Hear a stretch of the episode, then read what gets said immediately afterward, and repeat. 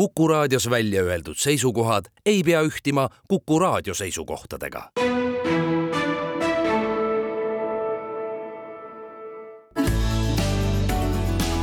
keskpäevatund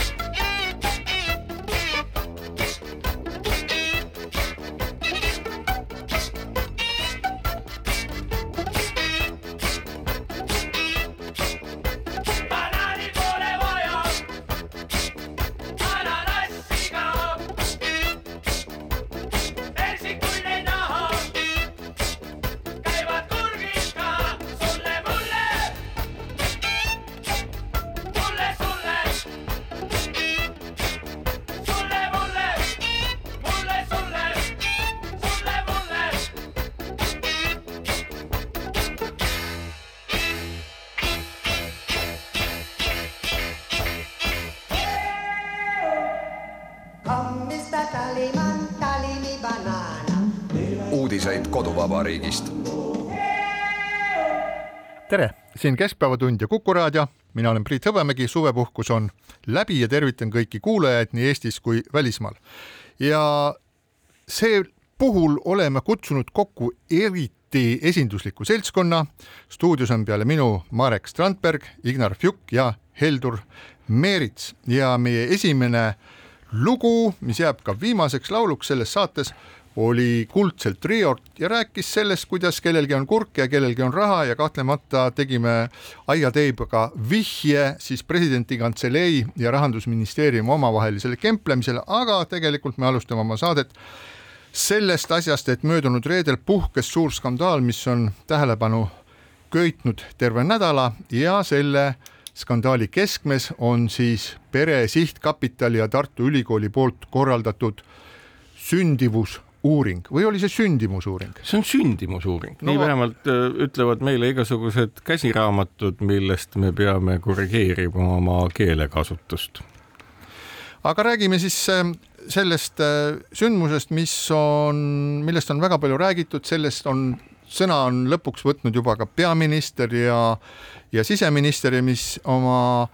olemuselt jaguneb siis nagu siin on nagu kolm suurt teemat, milles see skandaal mida see skandaal on üles tõusnud ja need on teaduseetika, lastetuse uurimine ja isikuandmete kaitse. et tihtipeale nendes erinevates äh, käsitlustes segatakse need kõik asjad omavahel kokku, aga tegelikult osa nendest küsimustest on praeguseks hetkeks juba paistab, et lahendatud, teised aga on õhus ja neile lahendust veel ei ole. siin on jah see, et, et vaieldakse nii selle üle, mida uurida kui ka selle üle, kuidas uurida ja, ja noh, et just nagu võiks olla päris loogiline, et, et sellist ühiskonnaelus olulist aspekti võiks uurida küll, et, et kuigi ka, ka seda on vaidlustatud ja, ja aga noh, hoopis iseasi on nüüd see, et, et kuidas uurida ja siin nüüd joosti küll tõepoolest äh, lati alt läbi, aga noh, see üldisem taust nagu tundub, et, et me ühest teadusuuringust äh, nii palju rääkida tundub nagu üllatav, aga noh, et, et nagu ikka, et see on saanud nüüd äh, lahinguväljaks jälle äh, konservatiivide ja ma ei tea. mittekonservatiivide. mittekonservatiivide vahel jah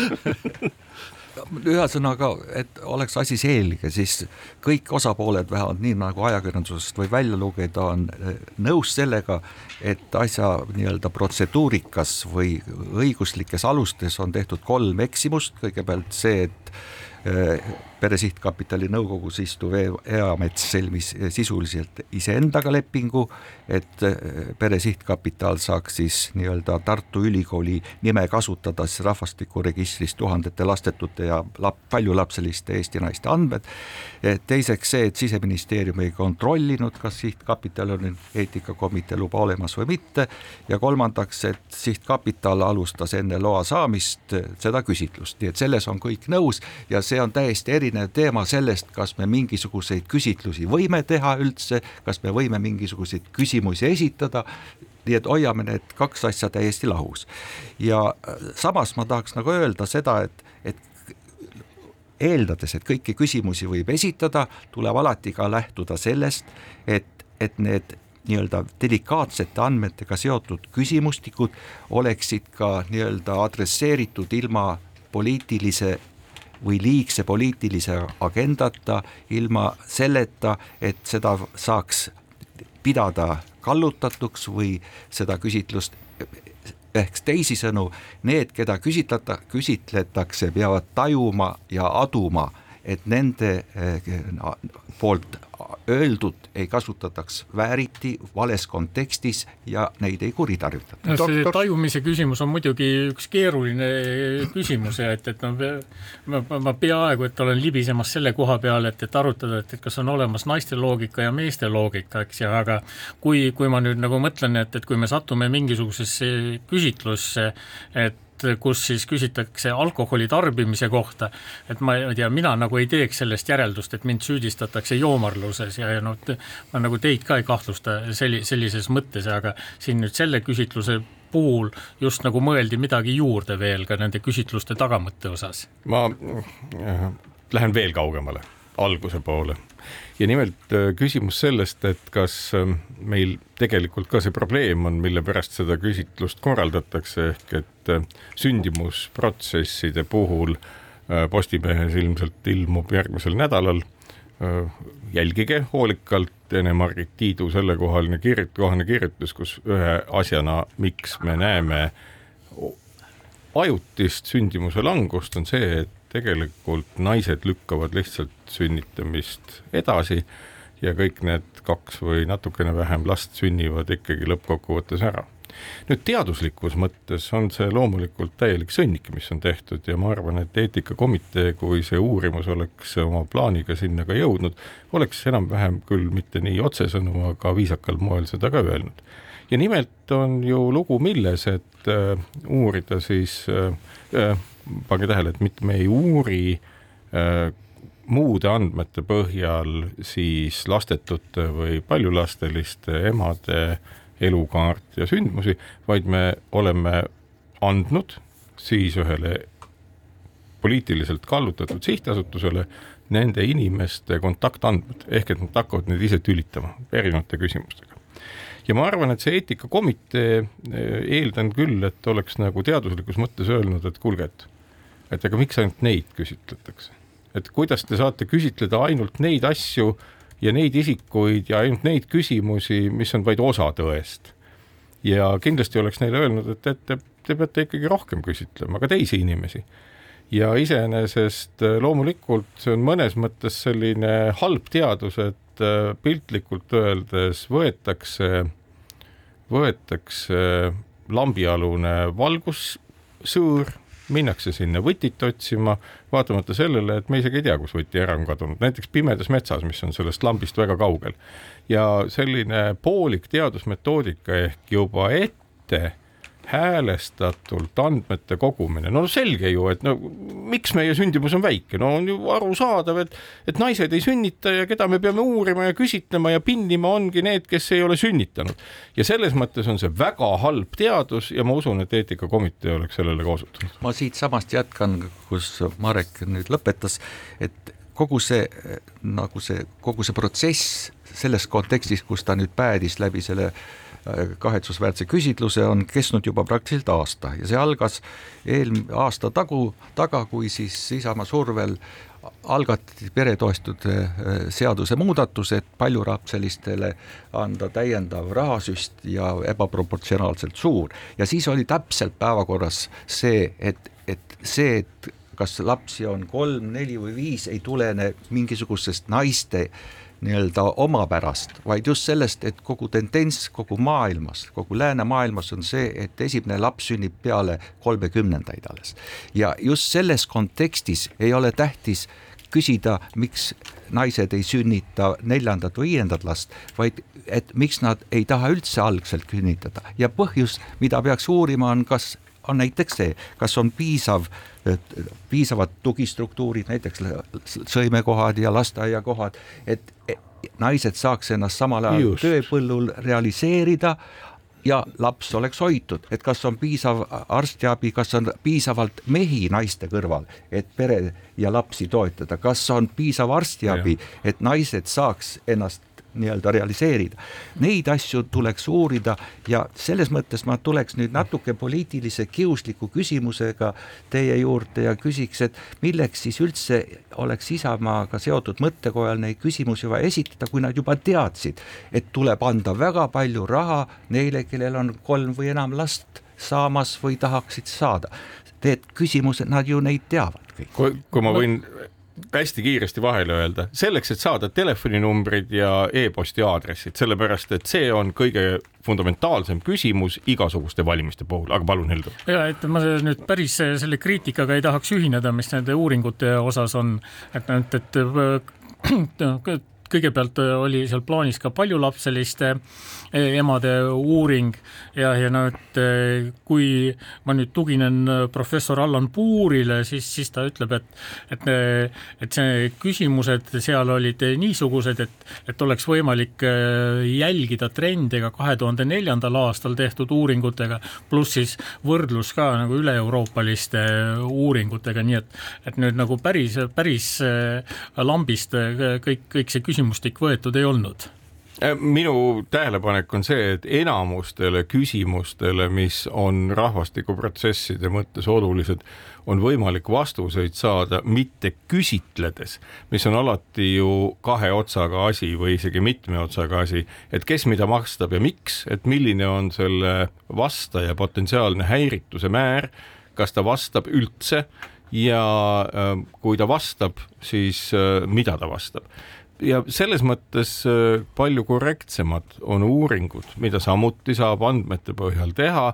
mida on meil nii rahvastikuregistris kui Statistikaametis, mis puudutab nii-öelda faktilist protsessi, kus inimesed elavad, nende sissetulekuid, nende suhteid, ka nende erakondlikku kuuluvust, ilma et konkreetset isikut tülitataks. aga jälle, kui me jõuame sinna kahtluse juurde, et miks pagana mõttes oli vaja just nimelt seda klassi inimesi teada saada, kelle telefoninumbrid ja postiaadressid anti, ongi see, et loomulikult see on ju küsimus valijast, see on küsimus äh, paljulapselised, et paljulapselised valiksid Isamaad edasi ja antage mulle andeks, ma ei arva, et äh, see oli vähetähtis selle juures ja minu meelest nõuab see kogu protsess, mis tehtud on, põhjalikku ka politseilist uurimist, et aru saada, mis siis toimus ja kuhu need andmed rändasid. aga samas tuleb neid küsi-, küsitlusi läbi viia, aga ikkagi ma tahaks rõhutada, et igasuguse küsitluse eh, läbiviimise eelduseks on see, et oleks absoluutselt selge,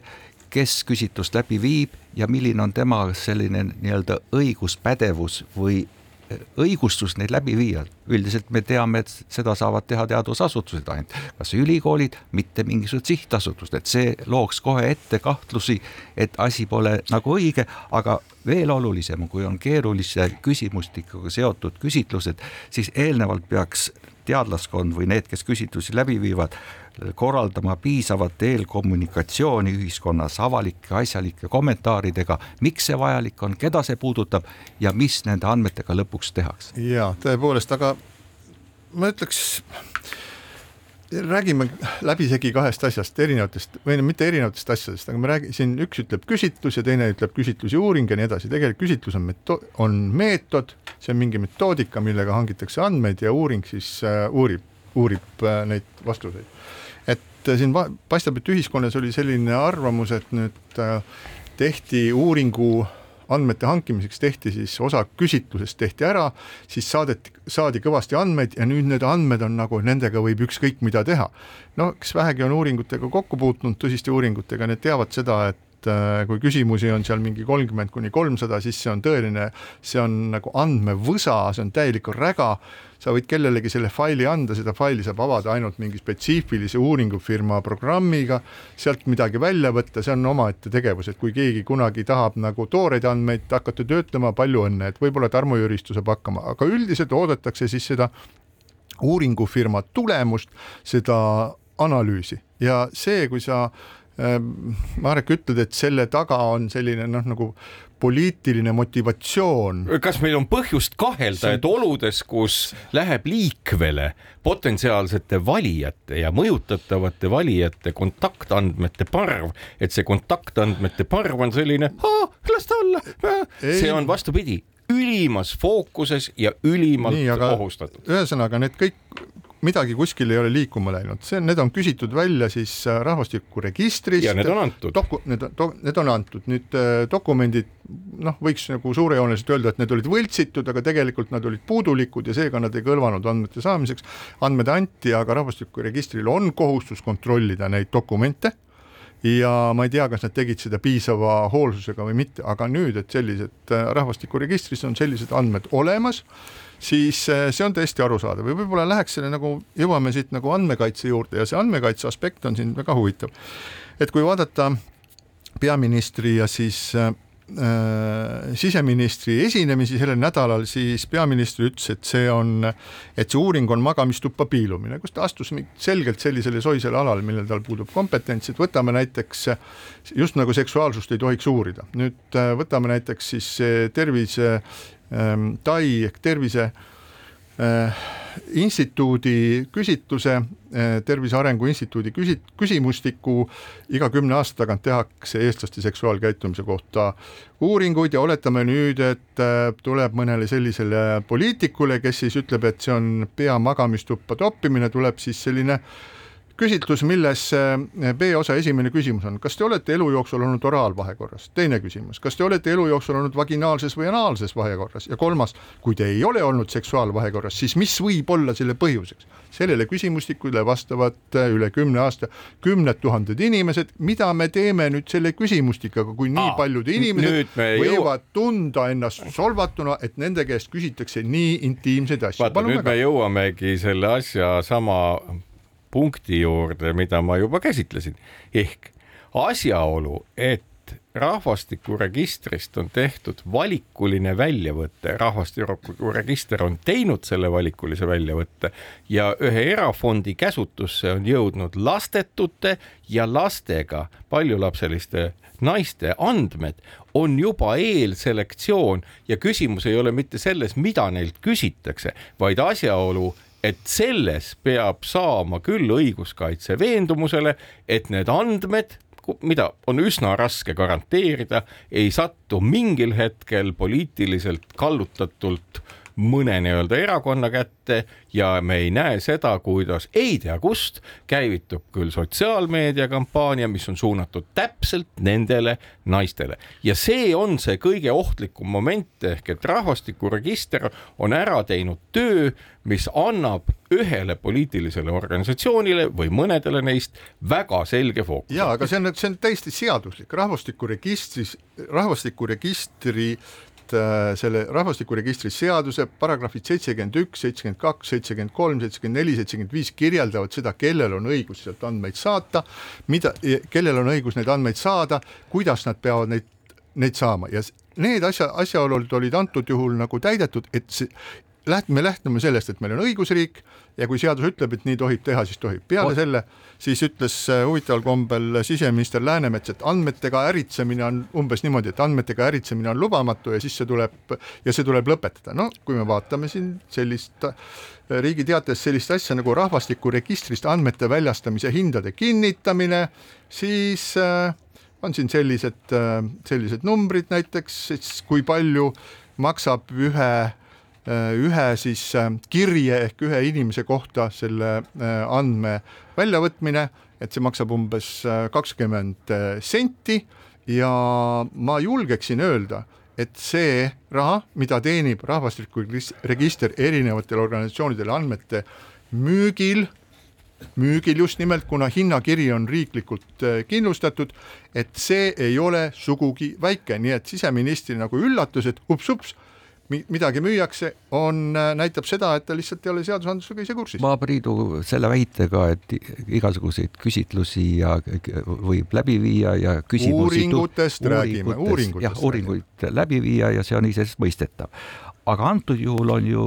olnud kaks rikkumist või kaks probleemi, mis ei kinnita seda. esiteks seda, et seda uuringut ei viinud läbi teadusasutus, vaid viis läbi poliitilise erakonna Isamaaga seotud mõttekoda, mis tähendab juba iseenesest need andmed läksid poliitiliselt seotud mõttekojale. no aga mis ja, see, mida teiseks,, mida siis see salk lõppkokkuvõttes teeb? oota, ärme nüüd lähme salgaga. ja, ja mida teine, see salk teeb, kuule, nüüd oota, on see Isamaa sul nagu risti all. aga, aga ka need andmed, mis anti sellele mõttekojale, ei antud ju neid mõttekojale, need anti Tallinn, Tartu Ülikoolile, aga ei antud ka Tartu Ülikoolile, sest puudus legaalne õiguslikult pädev leping. selle me juba rääkisime läbi, see oli täiesti seal... nagu täielik käkk oli ja, kogu see asi korraldatud. Priit, selles see juur ongi, sellest, seetõttu me sellest räägime, et seda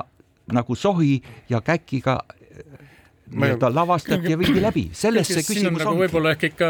nii, nii lihtne see asi ka ei ole, et me just nagu heidame Isamaale ette, et nad uurivad teemat, mis nende meelest on oluline. aga noh, et, et meil on ka selline ideoloogiline erakond nagu sotsiaaldemokraadid, et noh, sealt kostab äh, nagu väga kummalisi ja väga veidraid mõtteid ja et, et ma nagu soovitaks nagu sotsiaaldemokraatidele ka nagu võtta oma lemmikteemad ja uurida neid siis ka, et, et siis oleks võib-olla ehk natukene süsteemsem süsteemsem mõte neil. Priit, mul on üks küsimus, et kas sa ka, ka olles aru saanud nüüd, et sa seaduse tähte lugenud, et kas sa ütled seda, et äh, ma võin minna ja paluda rahvastikuregistrist täpselt samamoodi lastetute naiste ja paljulasteliste naiste telefoninumbrid ja emaili aadressid ja võib-olla ka kodused aadressid. kas äh, need ei ole mitte tundlikud isikuandmed, mida äh, noh, nii-öelda niisama välja ei saa, ma saan aru, et ja mida ma olen ka omal ajal teinud poliitiliselt toimetades, on võimalik pärida inimeste aadresse mingites piirkondades ja nii edasi otsepostitamiseks ja see on kõik arusaadav. aga no. nüüd rahvastikuregistril, millel on võime selekteerida inimest, kas tõepoolest igaüks saab osta kahekümne sendiga päringu kohta tundlike isikuandmetega. ei, seal on kaks, kaks aspekti, paragrahv seitsekümmend ütleb, et millised on, kirjeldab, millised on siis need äh, avalikud ülesanded, mis annavad, äh, lubavad juurdepääsu rahvastikuregistri andmetele ja teine on siis füüsilise ja juriidilise isiku juurdepääsu õigus rahvastikuregistri andmetele õigustatud huvi korral, nii et sul peab olema kas äh, avalikud ülesanded või sul peab olema õigustatud huvi. Ja mõlemal puhul siis need paragrahvid seitsekümmend ja seitsekümmend üks kirjeldavad seda, et milline see õigustatud äh, huvi on, aga siinkohal peame väikse pausi ja jätkame natukese aja pärast. keskpäevatund keskpäevatund jätkab ja Tallinna stuudios Marek Strandberg, Ignar Fjuk, Heldur Meerits ja Priit Hõbemägi, väga esinduslik seltskond, me jätkame seda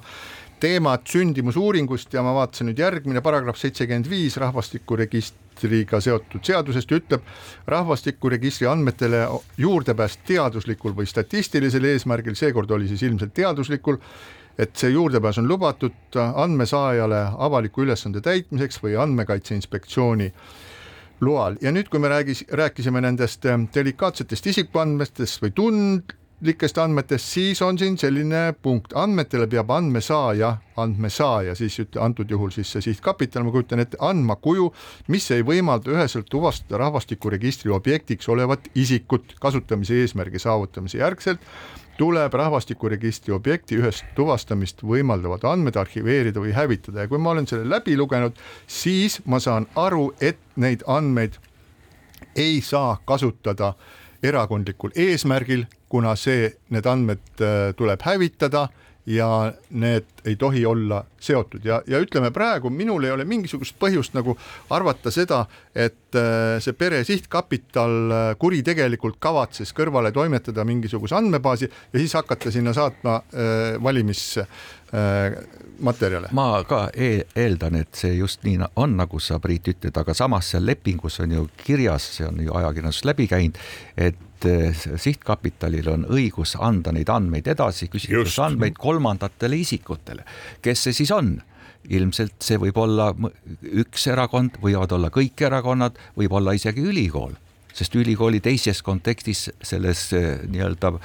küsitluse läbiviimise materjalides pole üldse mainitud. mis on nagu tegelikult suurim moraalne käkk, mis selle tulemusena on tekkinud, on umbusk teaduse suhtes, mida ilmselt me näeme järgmisel nädalal, kui me näiteks küsime, kui paljud inimesed on siis oma andmed muutnud eraettevõtjate jaoks või väljaspool riigi funktsiooni kättesaamatuteks ja ma arvan, et neid isikuid on väga-väga palju. Siin paari päeva taga seis oli umbes kuus tuhat inimest, nii et, et noh, oleks loogiline arvata, et see ületab kümmet tuhandet küll, et ja nüüd on nagu see järgmine jätkuküsimus sellest, et, et kui palju siis selline andmete mitte ligipääsetavus nagu hakkab mõjutama küsitluste tulemusi, et no mingisuguseid küsimusi ilmselt, küsitlusi see mõjutab ilmselt palju, no mingeid jälle mitte väga. aga üks asi on küll selle nii-öelda noh, võtab selle nagu sellise surve sellelt teemalt maha, on see, et Tartu Ülikooli rektor Toomas Asser tegi väga kiiresti otsuse, et ta nii-öelda võttis rajalt maha isiku, kes rikkus teatud protseduurireegleid, kes rikkus ka seadust ja ka see, et politsei algatas juba väärteomenetluse. tavaliselt me nii kiireid reageeringuid ei näe. nii et ma arvan, et kõik Eesti mehed ja naised saavad aru, et Eesti riik toimib ja reaktsioonid on adekvaatsed ja me, meie nii-öelda andmed on ikkagi kaitstud. okei okay,, ma ei taha, ma ei taha kasutada seda sõna tühistamine, ma ei ka-, ma ei kasutagi seda sõna, aga lihtsalt vaadates sellist ühiskondlikku debatti nii vähemal määral sotsiaalmeedias, aga rohkem siiski nagu sellises peavoolumeedias, siis ma olen Äh, tormanud küll selliste nagu seisukohtade poole, et selgub, et äh, Tartu Ülikoolis on siis, äh, on, on olnud rektori kandidaat, on sotsiaalvaldkonna dekaan, professor Eamets, on tegelikult olnud no, alati täielik käkk, ülbe, niisugune valge äh, vastik hetero, vastik hetero, ühesõnaga, kes on alandanud oma, oma neid äh, üliõpilasi, mida võib praegugi lugeda siis äh, sotsiaalmeedia postitustelt, et äh, Allan Puur, tunnustatud rahvastikuteadlane, on mingisugune täielik käkk, et niisuguse äh, inimese kätte ei tohi, ei julgeks isegi mingisugust värsket ajalehte usaldada, sellega midagi teeb. et Tarmo Tapab Soomere, et tead, Tarmo, Tarmo Soomere Teaduste Akadeemia president, see tuleks akadeemikud peaksid tõusma üles, viskama Soomere ühe hooga sealt välja ja, ja nii edasi ja nii edasi, et see, see, see, mis on endaga kaasa toonud sellised sellise, see on nüüd nagu sihuke tühistamislaadne viha, et mis need akadeemikud, mis teadlased, need on ju tegelikult mingisugused valged jälle kesk, keskealised heteromehed, ühesõnaga teadagi, mis asja nad ajavad, nad tahavad muuta naisi sünnitusmasinateks. ma lisan siia veel juurde, kui sotsiaalmeediast üks kunagine minister näiteks öelnud, et sellel teemal palun mitte sõna võtta neil naistel, kellel on vähem kui kolm last või siis, et kuule, sina, Riigikogu liige, sa oled ju vana tüdruk, mis õigusega sina no see on nagu erako, erakordselt nõme. kõik ja asjad aga, ongi, ma tahangi öelda, et kõik asjad ongi läinud väga erakorraliseks ja kummaliseks. sageli jäetakse tähelepanuta hoopis teine asi ja küsimus sellest, et noh, sageli me võime öelda, et jaa, et teaduse eneseregulatsioon ei ole piisav ja mis kõik veel. antud hetkel me näeme seda, kuidas sisuline diskussioon käib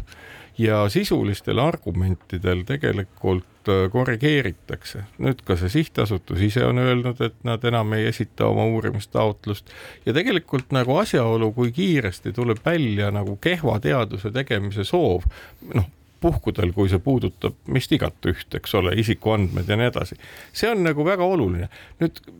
kogu see tühistamise pool, no vot, siin on jällegi, et ega teaduse puhul ongi ju, mis, teaduse puhul on Äh, üks tõde, mis on see, et absoluutset tõde ei ole ja ei saa kunagi olemas olla. ja selles mõttes, äh, kui on tulemus, on alati ka vigu ja see, kuidas nagu vigade või ka siis valesti korraldatud uuringuga või millega iganes toime tulla, siin on loomulikult vaja seda tolerantsi rohkem ja ma täiesti nagu ütlengi, et nagu a priori kõike tühistama minna. Oludes, kus kõik on näha, kõik on arusaadavaks muutunud, kõik on üks tunnistanud, mis on toimunud oleks nagu noh, et mis me siis sellega saavutame? ma arvan, et äh, ilmselt oleks praegu Priit äh, selle teema kokku võtnud, ma teeks seda seekord ise, et äh, homme möödub kolmkümmend kaks aastat, kui Eesti taastas oma iseseisvuse ja enam-vähem kolmkümmend viis aastat möödus sellest, kui toonane kultuurinõukogu algatas ülemaailmse Eesti Pere Sihtkapitali, et toetada Eesti pere ja demograafilist eh, kasvu ja, ja selles kontekstis ei ole eh, Tundub keegi kahtlane. ega ükski erakond seda teemat nii-öelda enda teemaks võtnud, see on Eesti teema juba kolmkümmend viis aastat. jah, ma, ma nii, nii optimistlik ja roosa ei oleks nagu selles küsimuses. Mihkel Kunnus kirjutas päris niisuguse teravmeelse loo äh, Postimehes ja äh, seal selle tema, tema sentimendiga ma ikkagi ühineks, et, et siin on nüüd mingisuguste tundlikumate teemade osas on oht ja et, et, et see neid lihtsalt ei juleta äh, ei, ei juleta uurida ja, ja ma ei tea, ma nii ühe, ühetähenduslikult ikkagi Tartu Ülikooli rektorit ka ei ei kiidaks ja et, et ühe, et ta tegi küll nii-öelda poliitiliselt targa otsuse, et, et seda tuld maha võtta, eks jah, aga kas see nüüd nagu akadeemilise tõe otsimisele ikka on kasuks, et, et selles osas on ikka suuri kahtlusi? no vot, tegelikkuses me oleme jätnud nüüd või õigemini on välja lülitatud seesama eetikakomitee, ma tegin ennustuse, et eetikakomitee tõenäoliselt oleks öelnud sellele seltskonnale, koguge andmeid rohkem, küsige rohkem, et kõik nii-öelda selle protsessi asjaosalised ja protsessi osalised tuleksid välja ja saaksite andmeid rohkem, sellepärast et puudulikud andmed tekitavad kallutatud tõe ja see on fakt. ehk et kui on teada, et protsess on laiem ja mitte seotud ainult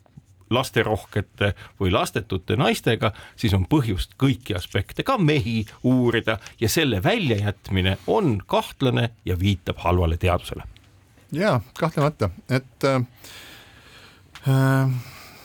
nüüd äh, pöörduks korraks tagasi veel selle siseminister Läänemetsa äh, remarkide juurde seda, kuidas tuleb andmeid kaitsta ja mida tuleb kõik teha ja nii edasi, et Läänemets on teatavasti sotsiaaldemokraat, ma lihtsalt huvi pärast tekita-, tuletan siis meelde, et kõik need on, see seadus, mis äh, võimaldab need andmed teha kättesaadavaks, see seadus on vastu võetud Riigikogu poolt, selle on kinnitanud president Kersti Kaljulaid aastal kaks tuhat ja keegi ei leidnud, et seal midagi nagu valesti oleks. ja see äh, siis selle hinnakirja rahvastik, rahvastikuregistrist andmete väljastamise hindade kinnitamise hinnakirja, mis pärineb siis aastast äh, aastast äh, kaks tuhat üksteist, on kinnitanud siis sotsiaaldemokraadist siseminister Katri Raik. ehk et need dokumendid on olemas, et kõik need andmed mis on siis rahvastikuregistrist pärit, on äh, antud välja kehtivate seaduste põhjal ja selles aspektis mina ütleksin küll, et lugupeetud siseminister, meil on õigusriik, käituda tuleb seaduste järgi, kui te arvate, et ei tohiks välja anda selliseid teistsuguseid või kolmandat sorti andmeid, siis palun väga, tehke, valitsus algatagu seaduseelnõu ja tehku seaduses vastavad muudatused, arutagu loomulikult parlamendiga läbi, aga mitte lihtsalt niimoodi, et midagi lendab ventilaatorisse, läheme mikrofoni ette valitsuse pressikonverentsil, ütleme, et see on täielik jama, seda ei tohi nii olla, aga samal ajal see kõik toimub täiesti seaduste põhjal, sinu oma, sinu oma ministeeriumis, sinu oma haldusalas, et nende asjadega lihtsalt peab kursis olema, et siin ei ole mingisugust muud varianti. ja siinkohal väike paus. Keskpäevatund. Keskpäevatund jätkab, Tallinna stuudios Marek Strandberg, Ignar Fjuk, Heldur Meerits ja Priit Hõbemägi. Ja räägime sellest, et ähm, kui meil on diskussioon käinud automaksu üle juba tükk aega, mis on aidanud siis rahandusminister Mart Võrklaeval lühikese ajaga Eesti kõige vihatumaks ministriks tõusta, siis täiesti ootamatult tema erakonnakaaslane ja kliimaminister Kristen Michal teatas, et praegusel kujul automaks keskkonna eesmärki ei täida ja selle saavutamiseks peaks maks võtma oluliselt rohkemal määral arvesse auto keskkonnamõjuga seotud näitajad ehk CO2 heidet ning vähem arvestama auto vanust. Ja Michal kirjutas rahandusminister Võrklaevale oma vastuse ja põhimõtteliselt ta põhimõtteliselt ütles, et need, need meetodid on kas valed või siis äh, liiga vähesed ja sellisel kujul on tema ministeerium ja sellest peab aru saama, et kliimaministeerium ja kõik, mis on kliimaga seotud, on e Eestis muutumas erakordselt mõjukaks, sisuliselt vetoõigusega süsteemideks ja see tähendab seda, et Reformierakonnal ei jää midagi muud üle, kui Mart Võrklaev peab hakkama selle teemaga uuesti tegelema. no siin on muidugi ka mitu võimalust, et ega see pole esimene kord, kui lavastatakse mingi näitemäng, kus siis kaks nii-öelda üks andekam, teine vähem andekam näitleja etendavad nii-öelda just nagu tüli ja just nagu diskussiooni ja mis iganes, kuna igasugu saasta on nii-öelda, nagu sa ennem juba ütlesid, ventilaatorisse juba lennanud ja lendab ilmselt edasi, sellepärast et juhul kui, juhul kui see nüüd tõepoolest nii ongi, et äh, Mart Võrklaev, mida ju väga palju on kritiseeritud, on üsna äh, pealiskaudselt ja saamatult käsitlenud automaksu, mis igal pool mujal reguleerib ikkagi autopargi kasutuse muutust ja viib inimesi säästlikemate ja väiksema keskkonnamõjuga autode juurde, mida Eestimaa automaks tõestatult ei teeks sellise plaani kohaselt siis äh, ei peaks ju Kaja Kallasel muud üle jääma, kui selline käpard lihtsalt välja vahetada. ja kui sellist äh, käpardit välja ei vahetata, siis me kahjuks peame tõdema, et äh, kõrgelt paika pandud poliitikud etendavad meile mingit näitemängu ja olgu see põhjus milline iganes, noh, ega meedia ei jaksa ka kõike korraga jälgida ja kolmesaja kuuekümne kraadi ulatuses joosta pole võimalik, nii et äkki on see lihtsalt niisugune tavaline mustkunstitrikk, mida ikka aeg-ajalt poliitikas sünnib. seda näitemänguks ei pea, sest kõik see see, mis varasemalt on rahandusministeeriumist tulnud seoses automaksuga, on olnud noh, kõike muud kui selge, arusaadav ja see, et Michal nüüd ka midagi no aga millal siis Võrklaeva lasti lastakse? oota, et see, et nüüd äh, Michal ka nüüd midagi ütles, see on kiiduväärt, sest ta tõi esile kolm põhilist eesmärki, miks seda automaksu võiks kehtestada, ma ei ütle, et teda peaks kehtestama, see, et autostumist vähendada, muidugi ta maksuga ei vähene, oleks vaja adekvaatset ühistransporti, see sunniks vähendama, teiseks, et oleks kiirem liikumine säästvamale autopargile, kui vaadata, millised autod liiguvad meie tänavatel ja Eesti maanteedel ja seda Rootsis, Hispaanias, Itaalias või Soomes, siis meie oleme ikka luksusautode maa, järelikult puuduks see nii-öelda maksu komponent, mis natuke seda reguleeriks ja kolmandaks muidugi see heitega seonduv ja see hakkab re realiseerima kümnendi lõpus, kui me hakkame seda kvootide ostmisega oma riigieelarvet koormama. aga Michali jutus on kõige olulisem minu jaoks see ja ma kiidan teda selle jaoks, et ta ütleb väga selgelt, et igasugust maksu, ka automaksu tuleb vaadata koosmõjus kõigi teiste ja maksudega ei, ja kõikide muude ühiskonnas hetkel olevate ilmingute, toimetulekutega, et see on üks osa suurest pildist, mitte ainult niimoodi, et ma olen sellega nõus, aga Ignar, seleta mulle ära üks asi, et kui siin nüüd lahvatanud küsimus sellest, kuidas nii-öelda muuta valimisõigust, et see on toimunud nagu sellises nagu ütleme eh, suletud ruumides arutelude tulemusena ju automaks väga oluline asi, kuidas niisugune imetabane võimuorganisatsioon nagu koalitsiooninõukogu ei ole siis sellist asja läbi arutanud ja nüüd me näeme niisugust, no ma ütlen, see on lavastus, kas see on lavastus või see on nii-öelda Mart Võrklaeva ei, see ei ole lavastus. hukkamisplatsile viimine. sa hindad neid üles, on no, saamatu, see on jär..., see on saamatus. ja okei okay,, kui on saamatu rahandusminister, siis peaks peaminister tegema oma järeldused. üks aspekt veel kogu selle paljususe juures, mida kõike peaks re reguleerima, on, on ka see regionaalne aspekt ehk et elu maal, et sa, Ignar, küll nagu viitad siin ühistranspordile, aga no tegelikult, kui, kui sa mõtled, kui hõredalt on Eesti asustatud, siis tegelikult see ühistransport on ikkagi noh, suhteliselt lootusetu, et, et meil jääb ikkagi piisavalt palju selliseid inimesi, kellele öö, mõistlikku ühistransporti, mõistlikku mõistlike kuludega on noh, võimatu korraldada, et noh, Eesti territoorium on suurem kui Hollandil, meil on üks koma kolm miljonit inimest ja et, et Hollandis järsku oli juba nagu kaheksateistkümne miljoni juures. jälle see demograafia meid kimbutab. kimbutab, kimbutab, aga. esimese teema juurde tagasi ärme, samas ütleme niimoodi, et tellimuse peale äh,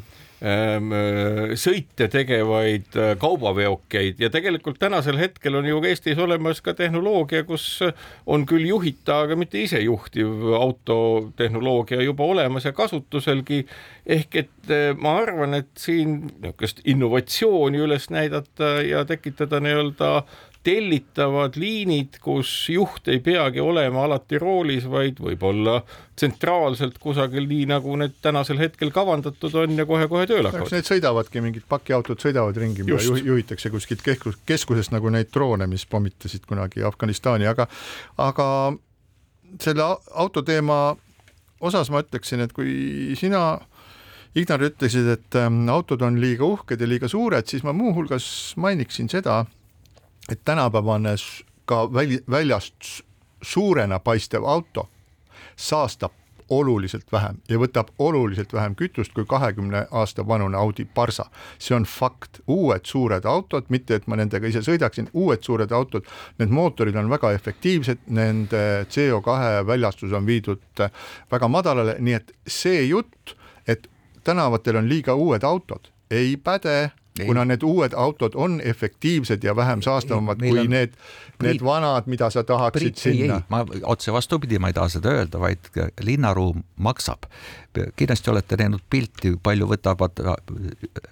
erasõidukid ruumi, palju võtab buss, palju võtab jalgrattur ja väike Fiat Uno ja mingi sinu kirjeldatud auto, selle vahekord on neli-viis ruumiühikut linnatänaval ja see on, see on ressurss. ma ütleksin, et see on kultuuriline erinevus, et sa, sa lihtsalt, äh, sa oled ju palju reisinud inimene, et sa vaata erinevaid pealinnu, mine vaata Barcelonat, mine vaata Pariisi, oled vaadanud, aga mine vaata näiteks äh, Miami Beach'ile, vaata New Yorki, vaata Tokyo tänavatele ja sa näed, et igal pool on vastavalt mingitest kummalistest kultuurilistest sellistest nagu äh, taustadest see autode suurus ja nii edasi erinev, aga siin võib-olla selle Võrklaeva juurest jõuame veel ka Toomas Sildamini, see, mis lugu me siin päris alguses mängisime, et ähm, selle nädala esmaspäeval oli siis esimene äh, kuulamine. esimene erikomisjoni kuulamine, mul on väga hea meel, et sellised kuulamised on, et see meenutab, et see meenutab mulle seda, et me püüame ka mängida natuke nagu Ameerikat, Ameerikat, mis on väga mõistlik, erikomisjonil peaks olema rohkem volitusi, näiteks peaminister sinna ei tulnud, aga Ameerika Ühendriikides muidugi vaevalt keegi julgeb kongressi komisjonile oma lausungit mitte anda, aga seal kuulati siis üle nii Äh, Toomas Sildamit kui Mart Võrklaeva ja Toomas Sildami presidendi sisenõuniku. Vastu oli esitatud selline insinuatsioon, ma ütleks, et äh, ta just nagu on teinud ettepaneku äh, kui rahandusministrile, et kui rahandusministeerium eraldab siis vajalikku lisaraha presidendi kantseleile, et siis justkui hakkab nagu äh, kiirenema seaduste menetlemine presidendi poolt, mille kohta Sildam ütles, et see on täielik jama, et see ei ole nii, ta on olnud küll võib-olla irooniline, sarkastiline, aga midagi ta, mingit taolist ettepanekut. see tähendabki seda, et ka meil peaks olema komme, et ametlikke vestlusi salvestatakse või suheldakse üldse kirjalikul moel ja võin kinnitada, et ega Eesti poliitikkonnas kirjalik suhtlemine on üsna harv. kõiki asju pigem aetaksegi mingisuguste imelike nii-öelda kõnetustega ja see on natukene selline, no ütleme,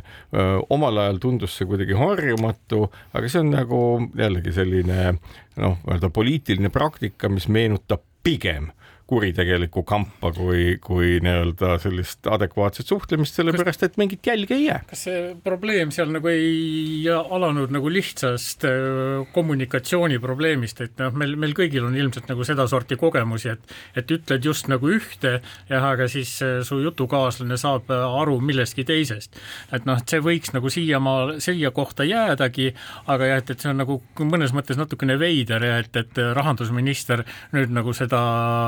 võitlust nagu nii ägedalt peab. see on huvitav jah, et, et, et rahandusminister ja ka kantsler on seda sellises kontekstis esile toonud, kuid kuskil nad ei maini otsesõnu, et eh, Toomas Sildam oleks midagi sellist eeldanud või öelnud, et seob presidendi kantselei seaduste väljakuulutamise raha eraldamisega, vaid need minister ja kantsler on alati öelnud, et neil tekkis imelik tunne sellega, selle jutuga seoses. ja ühes teises kontekstis on ka see öeldud ja ma saan aru, miks see imelik tunne tekkis. Sildam helistas kas ministrile või kantslerile ja küsis, et varsti on kuu aega möödas, me pole saanud tagasisidet ja vastust meie taotlusele et.... ei, see ei olnud oot, taotlus. see oli nii. ei, see ei olnud taotlus, see oli presidendi kan kantselei direktori kiri, kiri.. okei okay,, et kirjale pole vastust saadud. Ja, ja ilmselt siis, ma ütlen ilmselt siis Toomas Sildam ütles, et kui teil võtab nii kaua aega